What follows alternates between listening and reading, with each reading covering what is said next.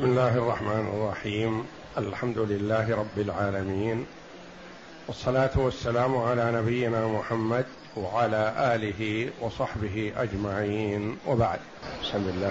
أعوذ بالله من الشيطان الرجيم. إن أول بيت وضع للناس للذي ببكة مباركا وهدى للعالمين. فيه آيات بينات مقام إبراهيم ومن دخله كان آمنا. ولله على الناس حج البيت من استطاع إليه سبيلا. ومن كفر فإن الله غني عن العالمين. هاتان الآيتان من سورة آل عمران.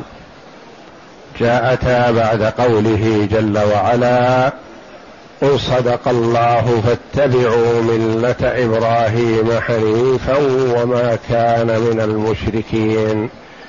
إن أول بيت وضع للناس للذي ببكة مباركا وهدى للعالمين. الآية بعدما رد جل وعلا على اليهود فيما افتروه من تحريم ما أحل الله وأمر عبده ورسوله محمدا صلى الله عليه وسلم بأن يتحاكم وإياهم إلى كتابهم الذي أنزله الله جل وعلا. قل فأتوا بالتوراة فاتلوها إن كنتم صادقين. رد جل وعلا عليهم في افترائهم بأن بيت المقدس أفضل من المسجد الحرام والكعبة لأنه في الأرض المباركة ولأنه مسجد الأنبياء صلوات الله وسلامه عليهم وأنه قبل المسجد الحرام. فرد الله عليهم بقوله تعالى إن أول بيت وضع للناس للذي ببكة مباركا وهدى للعالمين. إن أول بيت وضع للناس للعبادة والتقرب إلى الله جل وعلا للذي ببكة. بكة اسم من أسماء مكة شرفها الله. فأسماء مكة كثيرة. مكة وبكة وأم القرى والبيت الحرام والبيت العتيق وغير ذلك من الأسماء. وقيل المراد ببكة والله أعلم. بكة اسم للبيت وما حوله من المسجد. ومكة اسم للبلد إلى حدود الحرم. قالوا لها مكة. وما والبيت وما حوله من المسجد يقال له بكة. وبكة قيل في هذا الاسم بأنها تبك رؤوس الجبابرة فمن ظلم فيها سلط الله جل وعلا عليه العذاب الدنيوي قبل العذاب الأخروي. وأن الناس فيها يتساوون. فلا يتعاظم ولا يتكبر أحد على أحد فيما شرع الله. تعبدهم بالطواف. تعبدهم بالإحرام فهم يتساوون في هذا. ومكة لأنها قيل تمك الذنوب والخطايا ممن أقام بها لأن أعماله مضاعفة. كما يقال مك الصبي ثدي أمه يعني استخرج ما فيه من اللبن.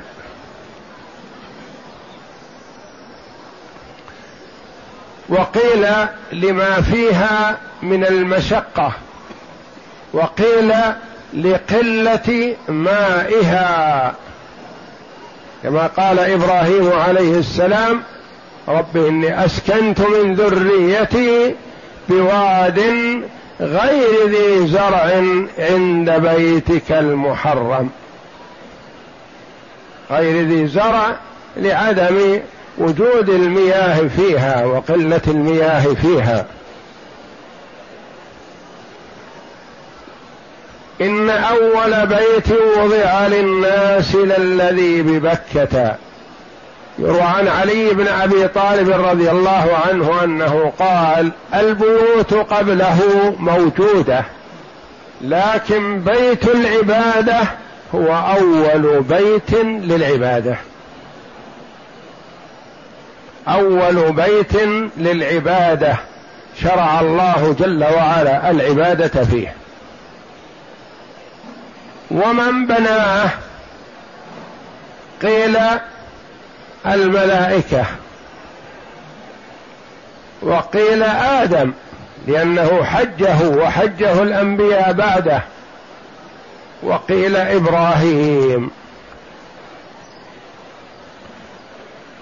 وإذ يرفع إبراهيم القواعد من البيت وإسماعيل. قال بعض المفسرين لا منافاة بين هذه كلها. فبنته الملائكة أولا قبل آدم بألفي سنة كما قيل. ثم بناه آدم. ثم بناه بعده إبراهيم عليه السلام. وقد سأل أبو ذر رضي الله عنه النبي صلى الله عليه وسلم ما هو أول مسجد بني؟ قال المسجد الحرام. ثم ماذا؟ قال بيت المقدس.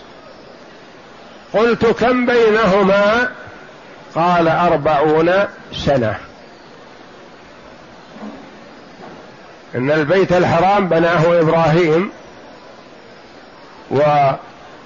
وبيت المقدس على ما روي بناه يعقوب الذي هو إسرائيل ابن إسحاق ابن إبراهيم عليهم الصلاة والسلام. إن أول بيت وضع للناس. قال جل وعلا للناس يعني للناس كلهم. ويستوي فيه الحاضر والباد والناس من أطاع الله جل وعلا فالبيت بني له فهو لمن أطاع الله سواء كان من المقيمين فيه أو من الوافدين إليه. سواء العاكف فيه والباد.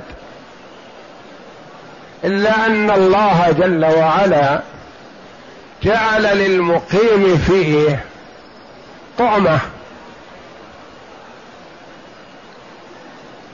فجعل لمن أقام فيه ولو يسيرا طعمة الذي هو لمساكين الحرم. كل هدي أو إطعام كما يقول الفقهاء رحمهم الله فلمساكين الحرم فيما يتعلق بالحج والعمرة. كل هدي أو إطعام فلمساكين الحرم يعني الهدي الواجب لجبران أو إطعام عشرة مساكين أو ستة مساكين أو نحو ذلك لمساكين الحرم. والمراد بمساكين الحرم من هو موجود في الحرم سواء كان مولود فيه أبا عن جد أو قدم إلى الحرم قبل نصف ساعة فيعتبر من مساكين الحرم. ومساكين الحرم هو من موجود في الحرم سواء كان قديما أو وصل إليه حديثا ما دام من أهل الاستحقاق. إن أول بيت وضع للناس للذي ببكة. بمكة قال بعضهم إن الباء والميم يتناوبان كما جاء في بعض الكلمات. مثل لازب تأتي لازب ولازم البي الميم والباء.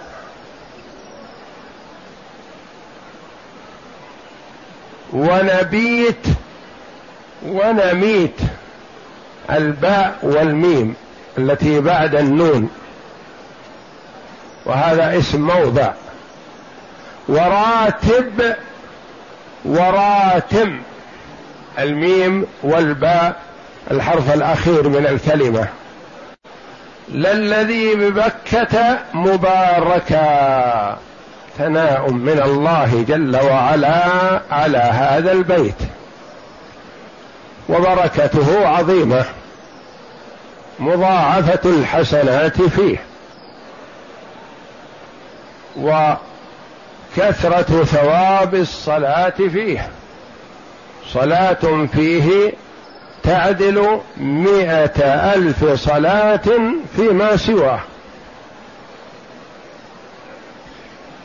وهو أفضل المساجد على الإطلاق وأفضل البقاع. ثم يليه في الفضل المسجد النبوي.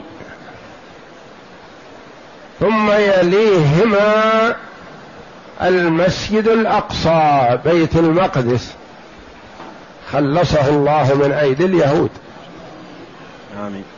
هذه المساجد المفضلة وما عداها من المساجد فلا يجوز شد الرحل إليها. ما يجوز أن يشد الرحل من أجل أن يزور مسجد كذا أو مسجد كذا في جدة أو الطائف أو الشام أو الرياض أو غيره من المساجد. وإنما إذا وصل إلى البلد فلا حرج عليه أن يذهب إلى المسجد الفلاني يصلي فيه. ما في حرج ما دام في البلد.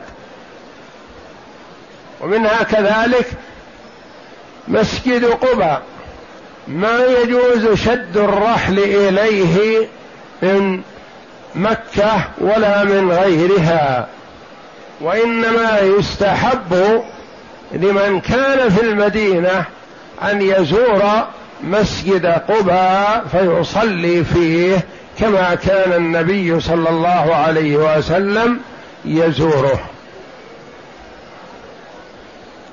للذي ببكة مباركا.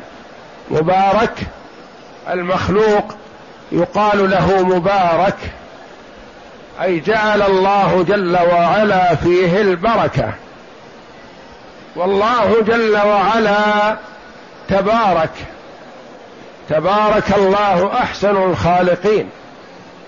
تبارك الذي بيده الملك وهو على كل شيء قدير. تبارك الذي نزل الفرقان على عبده ليكون للعالمين نذيرا. ولا يجوز أن تقول مثلا لشخص ما تباركت علينا بكذا كما يقوله بعض العامة. هذا ما يجوز لأن كلمة تبارك لا يصح أن تقال إلا في حق الله جل وعلا.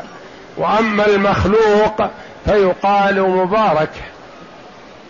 يعني جعل الله جل وعلا فيه البركة وليس هو تبارك بنفسه فالله جل وعلا هو الذي تبارك بذاته.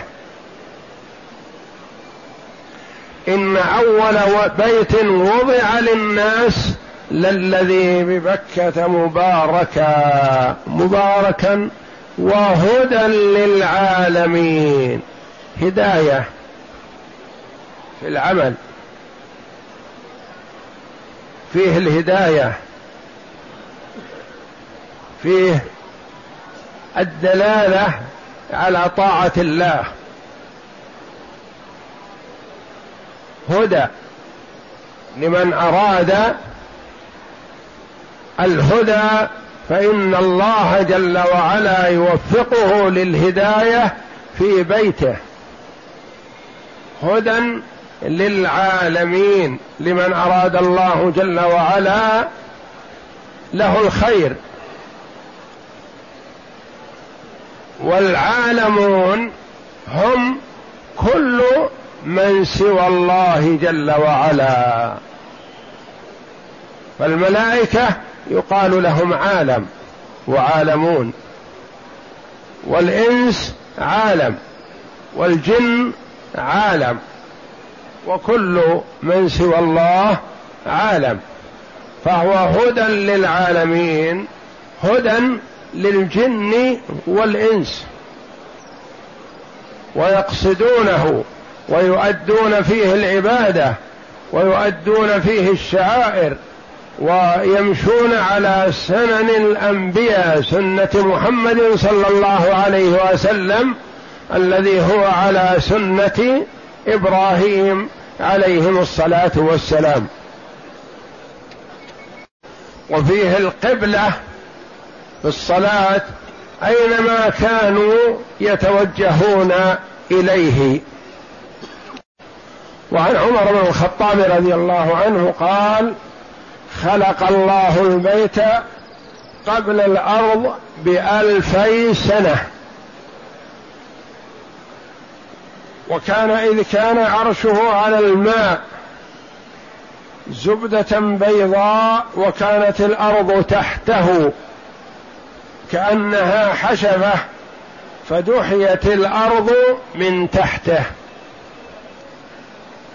ولعل هذا من أسباب تسميتها أم القرى لأن جميع القرى المأهولة بالسكان في هذه الأرض دحيت من مكة من تحت البيت.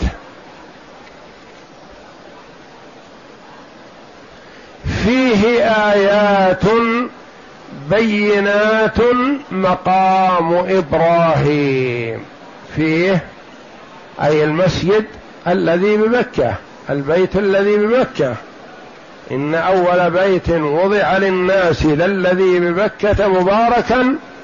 قال فيه آيات بينات مقام إبراهيم ومن دخله كان آمنا. فيه أي آيات علامات بينات يعني ظاهرة. ما هذه الآيات البينات؟ قيل ما في القلوب. من كون القلوب تهواه وتحن إليه وتميل إليه ولا تشبع منه. وكل من هدى الله جل وعلا للإسلام والإيمان يتمنى أن يصل إلى هذا البيت في حياته. ومن وصله لا يشبع منه. ومن خرج منه ولو لم يتجاوز إلا قليل تجده يحن إليه ويميل إليه. هذه آية من آيات الله. يعني ما هم من فعل الإنسان وإنما يجد من نفسه شيئا ليس منه. فالله جل وعلا جعل الأفئدة والقلوب تميل إليه وتهواه وتحن إليه. ومن ذلك مقام إبراهيم. ما المراد بمقام إبراهيم؟ قولان للعلماء رحمهم الله. قيل مقام إبراهيم هذه الصخرة التي كان إبراهيم عليه السلام صعد عليها حينما ارتفع البناء ليبني الكعبة. كان إبراهيم يبني وابنه إسماعيل يناوله الحجارة. فلما ارتفع البناء قال إبراهيم لإسماعيل التمس لي حجرا أصعد عليه. فالتمس له هذا الحجر وآتى به. وكان من بناء إبراهيم للبيت إلى زمن عمر بن الخطاب رضي الله عنه وهذه الصخرة ملزقة بالكعبة. فلما كان في زمن عمر وكان الناس يصلون حولها وكان صلاتهم حولها في عرقلة للطائفين راى رضي الله عنه تأخيرها إلى جهة الشرق إلى مكانها هذا.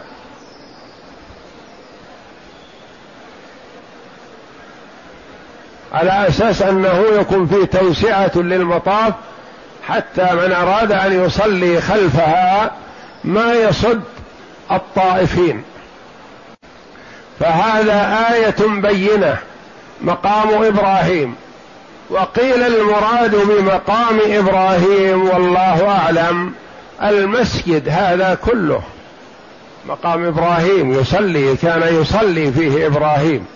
مقامه يعني للصلاة وأما المقام الذي هو الحجر مقامه للبناء. وهذا مقام إبراهيم للصلاة. وقيل المراد بمقام إبراهيم المشاعر كلها لأن إبراهيم عليه السلام حجها وصلى فيها فهي مقام إبراهيم عليه السلام في منى وفي عرفة وفي مزدلفة كلها مقام إبراهيم. فيه آيات بينات مقام إبراهيم. ومن دخله كان آمنا. هذه علامة وآية بينة. كانوا في الجاهلية يلقى الرجل قاتل أبيه وأخيه فما يتعرض له بسوء. فإذا خرج من الحرم أخذ بثأره. جعل الله ذلك عندهم شرعة ومسلكا منهجا نهجوه. ما أحد يتعدى على أحد في هذا البيت. من دخله كان آمنا. وكان معظم في الجاهلية وفي الإسلام.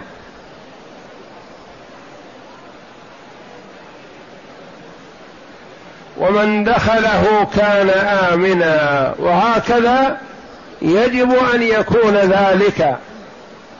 وهذا الذي شرعه الله جل وعلا. ويحرم إيذاء من كان فيه بالتعرض له بالسرقة أو الأذى أو المضايقة أو غير ذلك.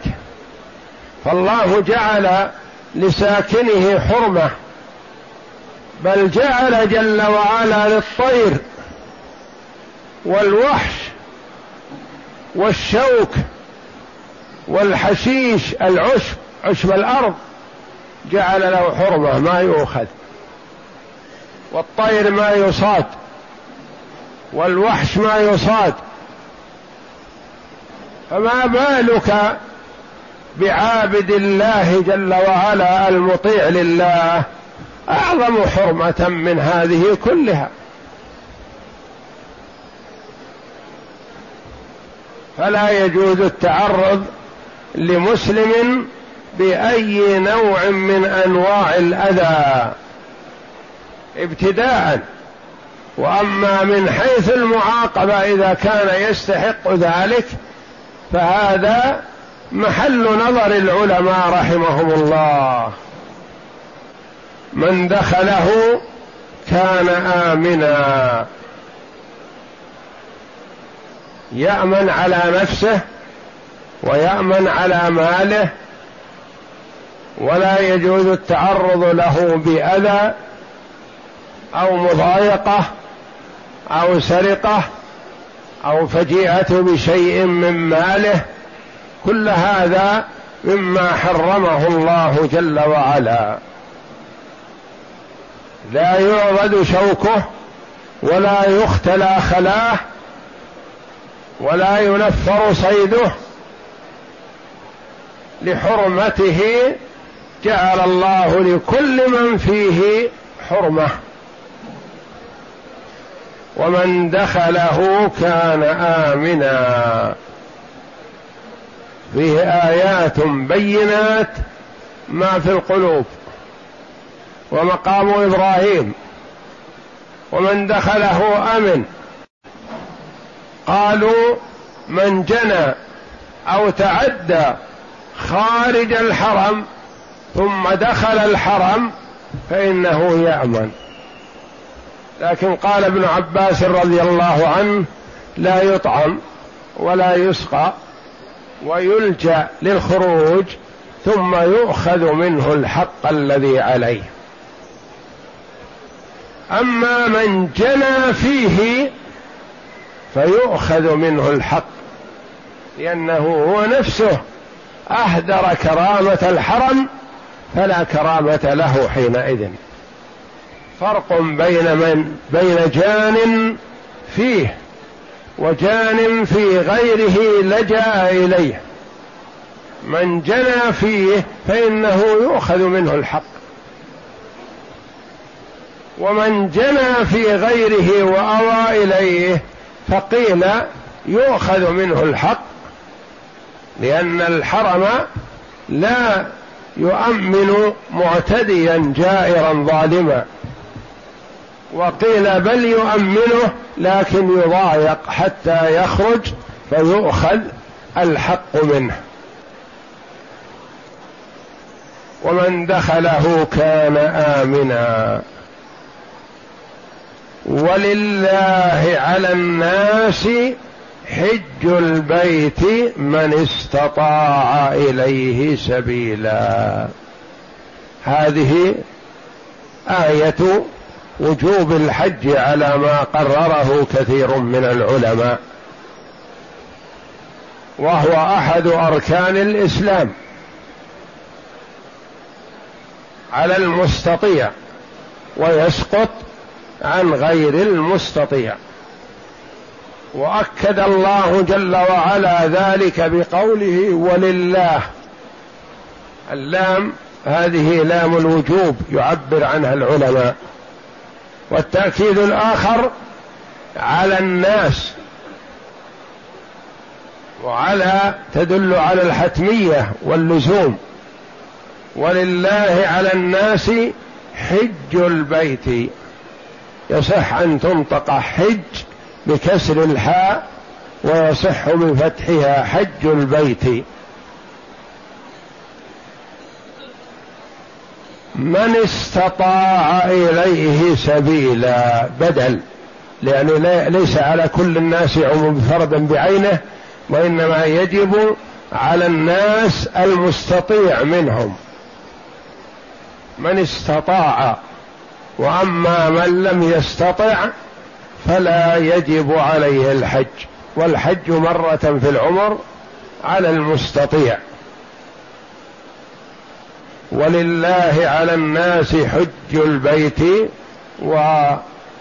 والأحاديث الثابتة الصحيحة في وجوب الحج على المستطيع كثيرة متوافرة. يقول عمر رضي الله عنه لقد هممت أن أبعث إلى هذه الأمصار يعني أمصار المسلمين ذا قدرة. ولم يحج فيضربوا عليهم الجزية. ما هم بمسلمين؟ ما هم بمسلمين. والنبي صلى الله عليه وسلم يقول بني الإسلام على خمس. والخامس أو الرابع الحج. من استطاع إليه سبيلا ما المراد بالسبيل؟ جاء تفسير عن النبي صلى الله عليه وسلم بالزاد والراحلة يعني القدرة المالية ولا بد من القدرة البدنية ولا بد كذلك من أمن الطريق لأنه إذا لم يكن الطريق امنا فما يجب الحج حينئذ. من استطاع إليه سبيلا. ومن قدر مالا ولم يقدر بدنا وجب عليه أن يرسل من يحج عنه. ولهذا من مات وهو ذا قدرة ولم يحج يجب أن يحج عنه من ماله قبل قسمة تركته. لأن الحج دين لله جل وعلا على العبد. والديون تسدد قبل قسمة التركة.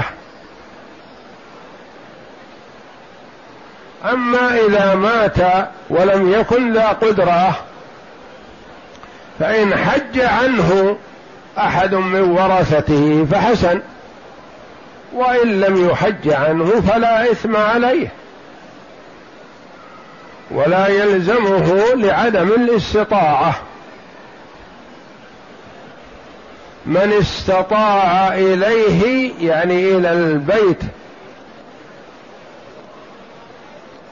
من استطاع إليه سبيلا استطاع أن يسير في الطريق إليه. ومن كفر فيه ايماء بأن من ترك الحج فإنه يكون كافر حينئذ. على قول عمر رضي الله عنه يضرب عليهم الجزية. ما هم بمسلمين؟ ما هم بمسلمين؟ من يعني ترك الحج وهو قادر هذا هو الذي جاء أنه يسأل الرجعة عند الموت. قال رب ارجعون لعلي أعمل صالحا فيما تركت. يقول بأن أتصدق وأحج. ومن كفر فإن الله غني عن العالمين. يعني من لم يحج فالله غني عنه. لأن حج المرء وعمل المرء لنفسه. والله جل وعلا لا تنفعه طاعة المطيع ولا تضره معصية العاصي. وكما جاء في الحديث القدسي يا عبادي إنما هي أعمالكم أحصيها لكم ثم أوفيكم إياها فمن وجد خيرا فليحمد الله الذي وفقه لذلك. ومن وجد غير ذلك فلا يلومن إلا نفسه. هو الذي فرط هو الذي ترك. ومن كفر فإن الله غني عن العالمين. غني عن الملائكة غني عن الإنس والجن وسائر المخلوقات فهو غني جل وعلا. لا يحتاج إلى أحد من خلقه والخلق كلهم محتاجون إليه. يقول الإمام ابن كثير رحمه الله رحمه الله تعالى يخبر تعالى أن أول بيت وضع للناس أي لعموم الناس لعبادتهم ونسكهم يطوفون به ويصلون إليه ويعتكفون عنده للذي بمكة ببكة. يعني الكعبة التي بناها إبراهيم الخليل عليه السلام الذي يزعم كل كل من طائفتي النصارى واليهود أنهم على دينه أنهم على دينه ومنهجه ويحجون إلى البيت. يزعم, اليهود أنهم على دين إبراهيم فالبيت بناه إبراهيم وهو بيت الله جل وعلا ودعا الناس إلى حجه فاستقيموا على دين إبراهيم. ويحجون إلى البيت.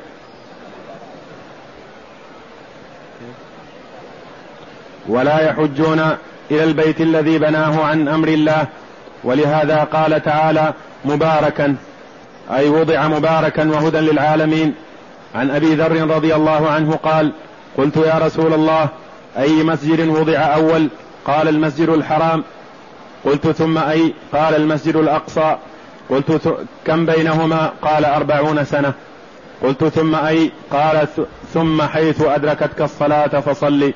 فكلها مسجد. يعني و... أي مكان في الأرض فهو مسجد. هذه المساجد مفضلة وأي مكان بعدها فهو مسجد صل فيه. نعم. وعن علي رضي الله عنه في قوله تعالى إن أول بيت وضع للناس للذي ببكة مباركا قال كانت البيوت قبله ولكنه أول بيت وضع لعبادة الله.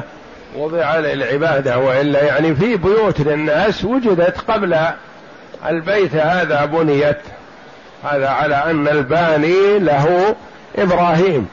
يعني قبل إبراهيم بنيت بيوت لكن الذي بني للعبادة هذا أول بيت وضع للناس وهو أفضل بيت للعبادة. وقد حجه الأنبياء قبل إبراهيم عليه السلام. حجه آدم وحجه الأنبياء كلهم عليهم الصلاة والسلام. وزعم السدي أنه أول بيت وضع على وجه الأرض مطلقا والصحيح قول علي رضي الله عنه. وقوله تعالى الآخر أنه أول بيت وضع على وجه الأرض يعني أول بيت بني. ويصح أن يكون هذا صحيح إذا جاء أن الملائكة بنت الكعبة عليهم الصلاة والسلام قبل خلق آدم بألفي عام كما جاء. نعم. وقوله تعالى للذي ببكة بكة من أسماء مكة على المشهور قيل سميت بذلك لأنها تبك أعناق الظلمة والجبابرة. بمعنى من ظلم وتجبر فيها وأراد سوءا فإن الله جل وعلا يبكته ويمكه ويفضحه ويهلكه كما حصل لأصحاب الفيل وكما حصل لكل من تعدى وجار فيه فالله جل وعلا يسلط عليه. ما يتركه. بعض الولاة تسلطوا على أهل مكة وآذوهم فسلط الله عليهم. ما أمهلوا من تسلط على أهل مكة ما يمهل. أشهر أيام ويقضى عليه. بإذن الله تبارك وتعالى. بمعنى أنه الله جل وعلا يقول ومن يرد فيه بإلحاد بظلم نذقه من عذاب أليم. والعذاب الأليم يشمل عذاب الدنيا وعذاب الآخرة والعياذ بالله. بمعنى أنهم يذلون بها ويخضعون عندها وقيل لأن الناس يتباكون فيها أي يزدحمون. قال قتادة إن الله بك به, به الناس جميعا. فيصلي النساء أمام الرجال ولا يفعل ذلك ببلد غيرها. وقال شعبة الطواف ما يجوز في أي بيت وأي بقعة سوى هذا البيت شرفه الله. ما يجوز في أي مكان لا في بيت المقدس ولا في المسجد النبوي ولا في غيره من الأماكن. ومن يطوف حول القبور هذا شرك كفر بالله تبارك وتعالى.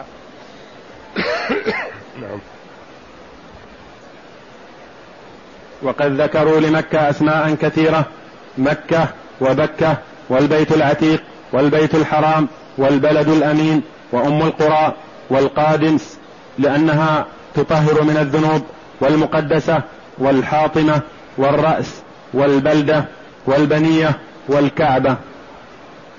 وقوله تعالى فيه آيات بينات أي دلالات ظاهرة أنه من بناء إبراهيم وأن الله عظمه وشرفه ثم قال تعالى مقام إبراهيم يعني الذي لما ارتفع البناء استعان به على رفع القواعد منه والجدران حيث كان يقف عليه ويناوله ولده إسماعيل.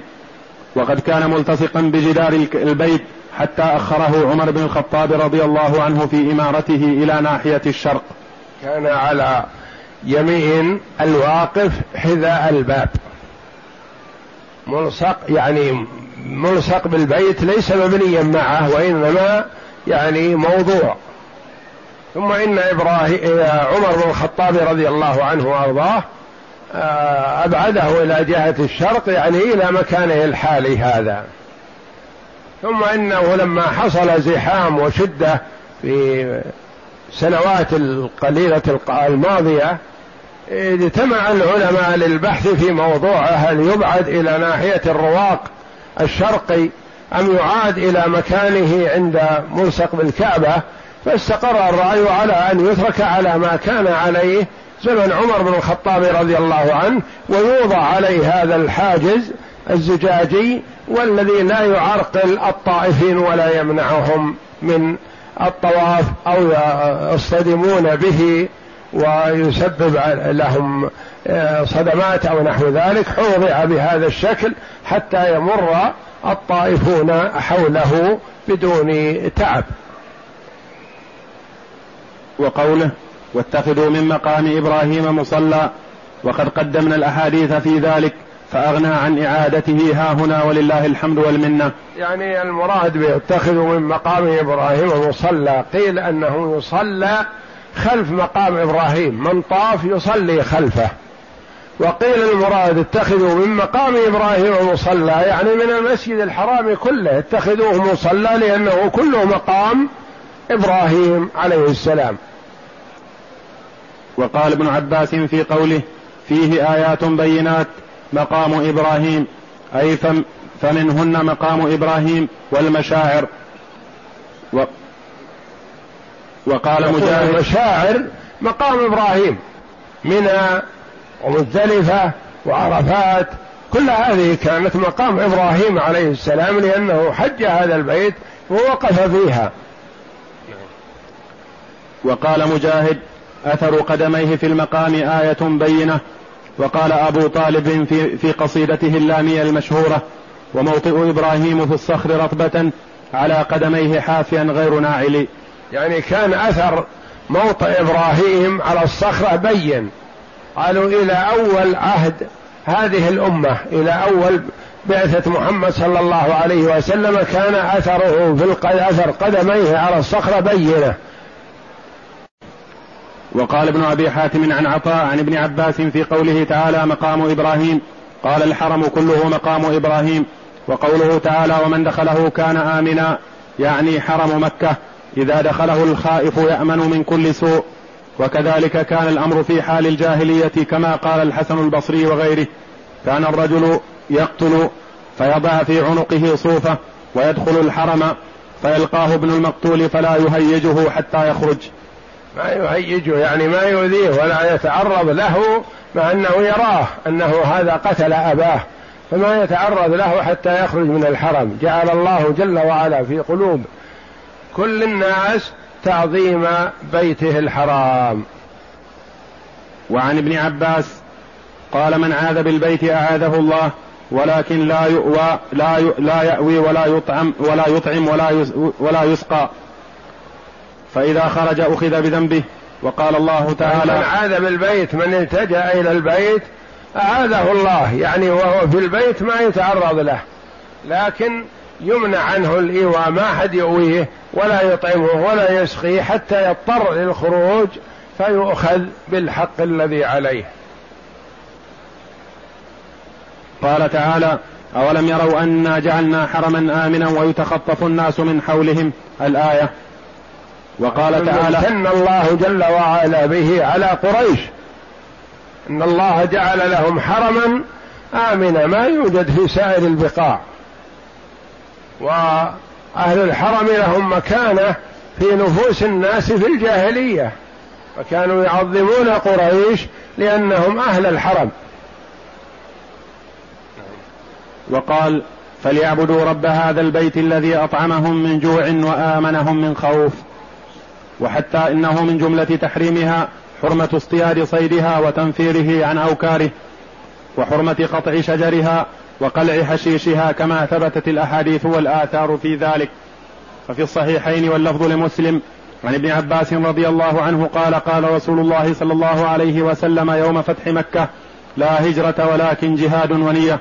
وإذا استنفرتم فانفروا. وقال يوم ولكن جهاد ونية جهاد في سبيل الله ونية للجهاد.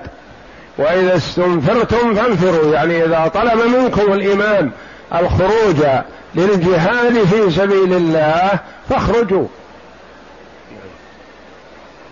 وقال يوم فتح مكة إن هذا البلد حرمه الله يوم خلق السماوات والأرض فهو حرام بحرمة يعني ليس الله. تحريمه متأخرا ولا تحريمه من تحريم إبراهيم ولا تحريمه من تحريم محمد وإنما حرمه الله جل وعلا. متى؟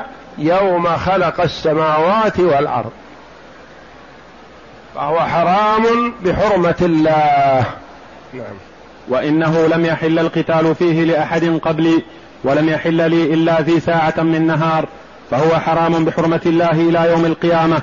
لا يعبد شوكه ولا ينفر صيده ولا يلتقط لقطته إلا من عرفها ولا يختلى خلاها. قال العباس حرمات البيت. نعم. قال العباس يا رسول الله إلا الإذخر فإنه لقينهم ولبيوتهم فقال إلا الإذخر. العباس رضي الله عنه لما قال النبي صلى الله عليه وسلم لا يقطع لا خلاء يعني ولا يقطع شيء من شجرة قال يا رسول الله إلا الإذخر.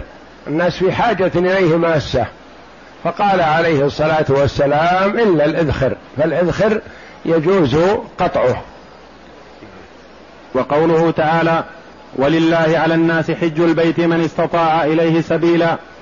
هذه أول آية وجوب الحج عند الجمهور. وقيل بل هي قوله وأتموا الحج والعمرة لله. والأول أظهر. وقد وردت الأحاديث المتعددة بأنها أحد أركان الإسلام. الأول الذي هو أنها أول آية في وجوب الحج ولله على الناس حج البيت من استطاع إليه سبيلا. بخلاف قوله تعالى وأتموا الحج والعمرة لله. هذه ما تدل على الوجوب والله أعلم. وإنما تدل على من دخل في الحج أنه يجب عليه إتمام. لكن قبل أن يدخل في الحج ما أوجب الله جل وعلا عليه الحج. وآية أتموا الحج والعمرة لله هذه نزلت في الحديبية. وصلح الحديبية ما كان الناس يستطيعون الوصول إلى مكة لأن مكة كانت بأيدي الكفار. ولما جاء النبي صلى الله عليه وسلم معتمرا صد عن البيت عليه الصلاة والسلام والله جل وعلا أحكم وأعدل من أن يوجب على العباد الحج وهم لا يستطيعون الوصول إليه. فلما فتح الله لرسوله صلى الله عليه وسلم مكة قال تعالى ولله على الناس حج البيت من استطاع إليه سبيلا. فالآية الأولى تدل على أن من دخل في نسك يجب عليه إتمامه. ولهذا يقال ما من عبادة نفل إلا والإنسان أمير نفسه إذا دخل فيها. إن شاء تمها وإن شاء قطعها. لا حرج. إلا أن الإتمام أفضل. إلا الحج والعمرة. فإذا دخل فيهما الحاج أو المعتمر يجب عليه الإتمام. مثلا خرج الإنسان بصدقة ألف ريال يريد أن يتصدق به صدقة تطوع. تصدق بخمسمائة ريال واحتفظ بخمسمائة اشترى فيها مقاضي لأهله وحاجات. لا حرج ما دام تطوع. دخل في صلاة ركعتين نفل. في أثناء الصلاة عرض له شغل أو رأى شخصا يريده وخاف أن يفوت عليه يخرج من صلاته ولا حرج. وهكذا سائر العبادات مثل الصيام النفل. صيام نفل الإنسان أمير نفسه إن شاء تمه وإن شاء قطعه. إلا الحج والعمرة فمن دخل فيهما يجب عليه إتمامهما.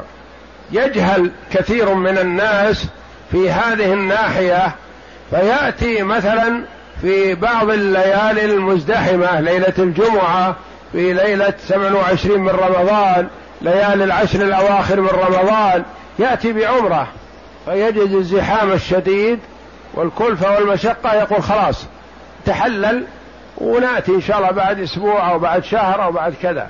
هذا ما يجوز. ما دام دخلت بالنسك فأنت أتمة. إذا وجدت الزحام فابقى. ابقى محرم يوم أو أسبوع أو أكثر أو أقل لا حرج. دخلت مكة ما استطعت أن تطوف. دخل مكة وهو مريض ما استطاع أن يطوف.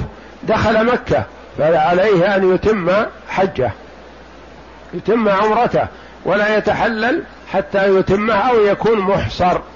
كما أحصر النبي صلى الله عليه وسلم ما دخل مكة. المحصر عند كثير من العلماء هو من لم يدخل مكة. منع من دخول مكة. هذا محصر. أما الحائض إذا دخلت مكة وحاضت ما يقال محصرة هذه. هذه ممكن أن يلتمس لها الحل. مريض مثلا دخل مكة ما يقال محصر.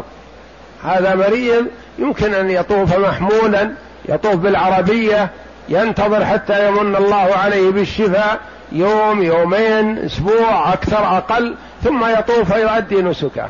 فمن دخل مكة فلا يقال له محصر وإنما المحصر هو الذي لم يدخل مكة. فعلى المسلم أن ينتبه لهذا الأمر ولا يتحلل من عمرته أو من حجه قبل إتمامه إلا إن كان محصرا حقيقة. نعم. وأجمع المسلمون على ذلك اجماعا ضروريا. وإن يعني وجوب الحج. نعم. وإنما يجب على المكلف في العمر مرة واحدة بالنص والإجماع. فالوجوب مرة واحدة ولا يجب أكثر من مرة. ما يجب على المسلم أكثر من مرة وإنما المرة الأولى واجب ركن من أركان الإسلام وما عداها فهو نفل. ما عداها فهو نفل وليس بواجب إلا ما أوجبه الإنسان على نفسه بنذر ونحوه. فقد يجب لأن المرء إذا أوجب على نفسه شيئا ما فيجب عليه أن يأتي به. لحديث أبي هريرة قال خطبنا رسول الله صلى الله عليه وسلم فقال أيها الناس قد فرض عليكم الحج فحجوا. فقال رجل أكل عام يا رسول الله؟ فسكت حتى قالها ثلاثة. يعني فقال كرر الرجل الإلحاح والسؤال للنبي أفي كل عام؟ أفي كل عام؟ والنبي يسكت. ما يحب مثل هذا السؤال. ثم أجابه صلى الله عليه وسلم لما رأى أنه لن يسكت حتى يعطي الجواب قال الحج مرة في العمر. نعم. نعم. فقال رسول الله صلى الله عليه وسلم لو قلت نعم لوجبت ولما استطعتم. ثم قال ذروني ما تركتكم فإنما هلك من كان قبلكم بكثرة سؤالهم واختلافهم على أنبيائهم. وإذا أمرتكم بشيء فأتوا منه ما استطعتم. أهلكهم كثرة سؤالهم واختلافهم على أنبيائهم. فإنما أهلك, أهلك من كان قبلكم بكثرة سؤالهم. واختلافهم على أنبيائهم. وإذا أمرتكم بشيء فأتوا منه ما استطعتم. وإذا نهيتكم عن شيء فدعوه. وعن ابن عباس رضي الله عنه قال خطبنا رسول الله صلى الله عليه وسلم فقال يا أيها الناس إن الله كتب عليكم الحج فقام الأقرع بن حابس فقال يا رسول الله أفي كل عام؟ قال لو قلتها لوجبت ولو وجبت لما لم تعملوا بها ولن تستطيعوا أن تعملوا بها. الحج مرة فمن زاد فهو تطوع. وأما الاستطاعة فأقسام. تارة يكون الشخص مستطيعا بنفسه وتارة بغيره كما هو مقرر في كتب الأحكام. وعن ابن عمر رضي الله عنهما قال قام رجل إلى رسول الله صلى الله عليه وسلم فقال من الحاج يا رسول الله؟ قال الشعث التفل. فقام آخر فقال أي الحج أفضل يا رسول الله؟ قال العج والثج. فقام آخر فقال ما السبيل يا رسول الله؟ قال الزاد والراحلة. يفسر لهم صلى الله عليه وسلم أسئلتهم. العج والثج. العج رفع الصوت بالتلبية والثج الذبح والنحر تقرب إلى الله جل وعلا. ولما سأله السائل ما السبيل؟ قال الزاد والراحلة يعني القدرة على الوصول. إذا قدر على الوصول وجب عليه وإذا لم يقدر على الوصول فلا يجب عليه. والله أعلم. وصلى الله وسلم وبارك على عبده ورسول نبينا محمد وعلى آله وصحبه أجمعين.